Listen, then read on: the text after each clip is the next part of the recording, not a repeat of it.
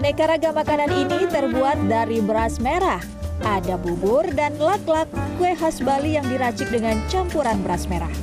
Hidangan ini ada di Desa Jatilui, Kabupaten Tabanan, Bali. Ya, Jatilui memang dikenal sebagai daerah penghasil beras merah. Tak heran jika warga kemudian berkreasi membuat makanan dengan bahan utama beras merah.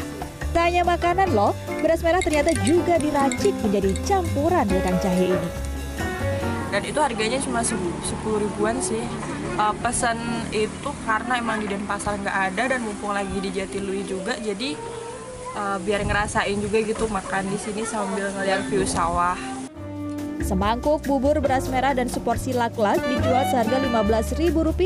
Sementara wedang jahe bisa dinikmati dengan membayar Rp10.000. Ada beberapa beras yang dijual di pasar dan dikonsumsi masyarakat beras putih, beras merah, beras coklat, hingga beras hitam.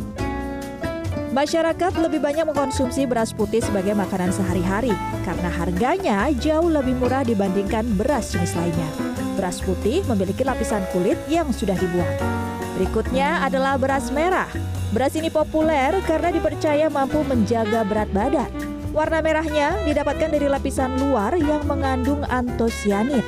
Dikutip dari cnnindonesia.com, per 100 gram beras merah mengandung 6,2 gram serat. Beras merah mengandung zat besi dan vitamin B6.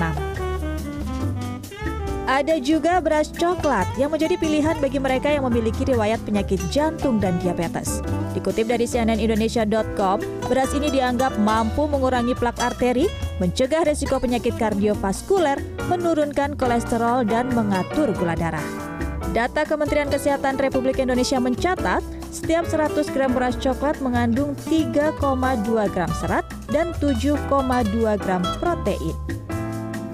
Satu lagi adalah beras hitam. Berbeda dengan ketan hitam, bulir beras hitam mengkilap dan berukuran lebih panjang serta lebih langsing. Dikutip dari cnnindonesia.com, beras hitam memiliki manfaat gizi lebih tinggi dibanding beras merah dan coklat. Beras hitam kaya akan serat dan mengandung antioksidan, vitamin E, protein, dan nutrisi lainnya.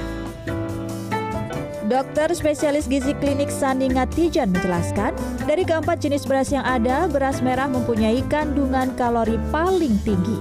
Meski begitu, beras berwarna lebih kaya serat karena lapisan luarnya masih utuh beras-beras berwarna mengandung serat lebih tinggi dibandingkan beras putih. Bisa 3 sampai 5 kali lebih banyak. Hmm. Yang kita tahu serat berfungsi baik bagi tubuh. Betul. Untuk melindungi kesehatan usus dengan membantu mikrobiota atau atau bakteri baik di usus. Hmm. Lalu mempertahankan rasa kenyang. Jadi bisa menjaga berat badan dan mencegah obesitas. Hmm. Juga dapat membantu kontrol gula darah. Dari keempat jenis beras tadi memang ada kelebihan dan kekurangan. Berbagai faktor dan kandungan nutrisi hingga harga bisa disesuaikan dengan kondisi kesehatan dan keuangan Anda. Tim Liputan CNN Indonesia.